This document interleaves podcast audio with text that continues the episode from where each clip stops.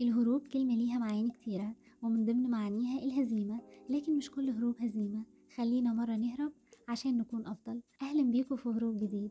عرفنا منين إن الفلاسفة والأدباء والكتاب ورجال التاريخ كانوا موجودين؟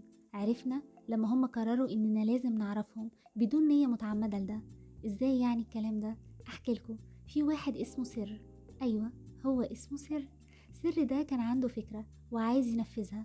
راح لعيلته وقال لهم على فكرته لكن عيلته قللت من الفكرة بتاعته وقالوا له غير الفكرة دي مين يصدق إن الفكرة دي ممكن تتحقق؟ سر زعل لكن بعدها راح لصحابه وقال لهم على فكرته لكن أصحابه هم كمان قالوا له إن الفكرة دي سيئة جدا وفضلوا يضحكوا على فكرته وقالوا له مين يصدق إن الفكرة دي ممكن تتحقق؟ وقتها سر زعل أكتر بس قرر تاني يوم يروح لبعض الناس اللي بيدوروا على أفكار جديدة عشان يمولوا فكرته لكن كان كل ما يعرض الفكرة على حد يضحك عليها ويقلل ويسخر منه وفيهم كمان اللي اتهموا بالفشل وقال له نفس الجملة اللي عيلته واصحابه قالوها مين يصدق إن الفكرة دي ممكن تتحقق؟ سر وقتها يئس وصدق كلامهم ورمى فكرته على الأرض وتخلى عنها ونسيها وعاش حياته بالشكل اللي الناس قالوا له عليه. هو عاش حياة الناس بس نسي يعيش حياته. حياته وفكرته بقوا سر حتى اسمه سر محدش يعرفه. لو حد قالك مين يصدق إن الفكرة دي ممكن تتحقق رد بكل بساطة وقوله يعني هو كان مين يصدق إن الحديد هيتكلم ويبقى معانا موبايلات؟ ومين يصدق إن الهوا هو اللي بينقل الكلام؟ ومين يصدق إن في حاجة هتاخدنا كلنا وتطير في السما اسمها طيارة؟ ومين كان يصدق إن هيكون في واي فاي ويكون في إنترنت في الهوا؟ مين كان يصدق لما كانت دي كلها مجرد أفكار نظرية مكتوبة على ورقة ومحطوطة في درج ضلمة؟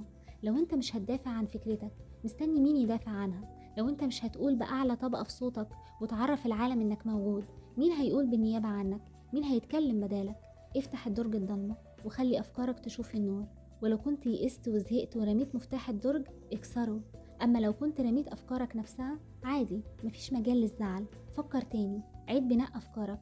ما تبقاش سر محدش عارفه ولا فكر يدور ويعرفه. كل واحد عنده فكرة عايز ينفذها عنده حلم جميل كل يوم بيحلم بيه. ما تتخلاش عن فكرتك وحلمك لمجرد رأي. ما تفكرش بعقول الناس.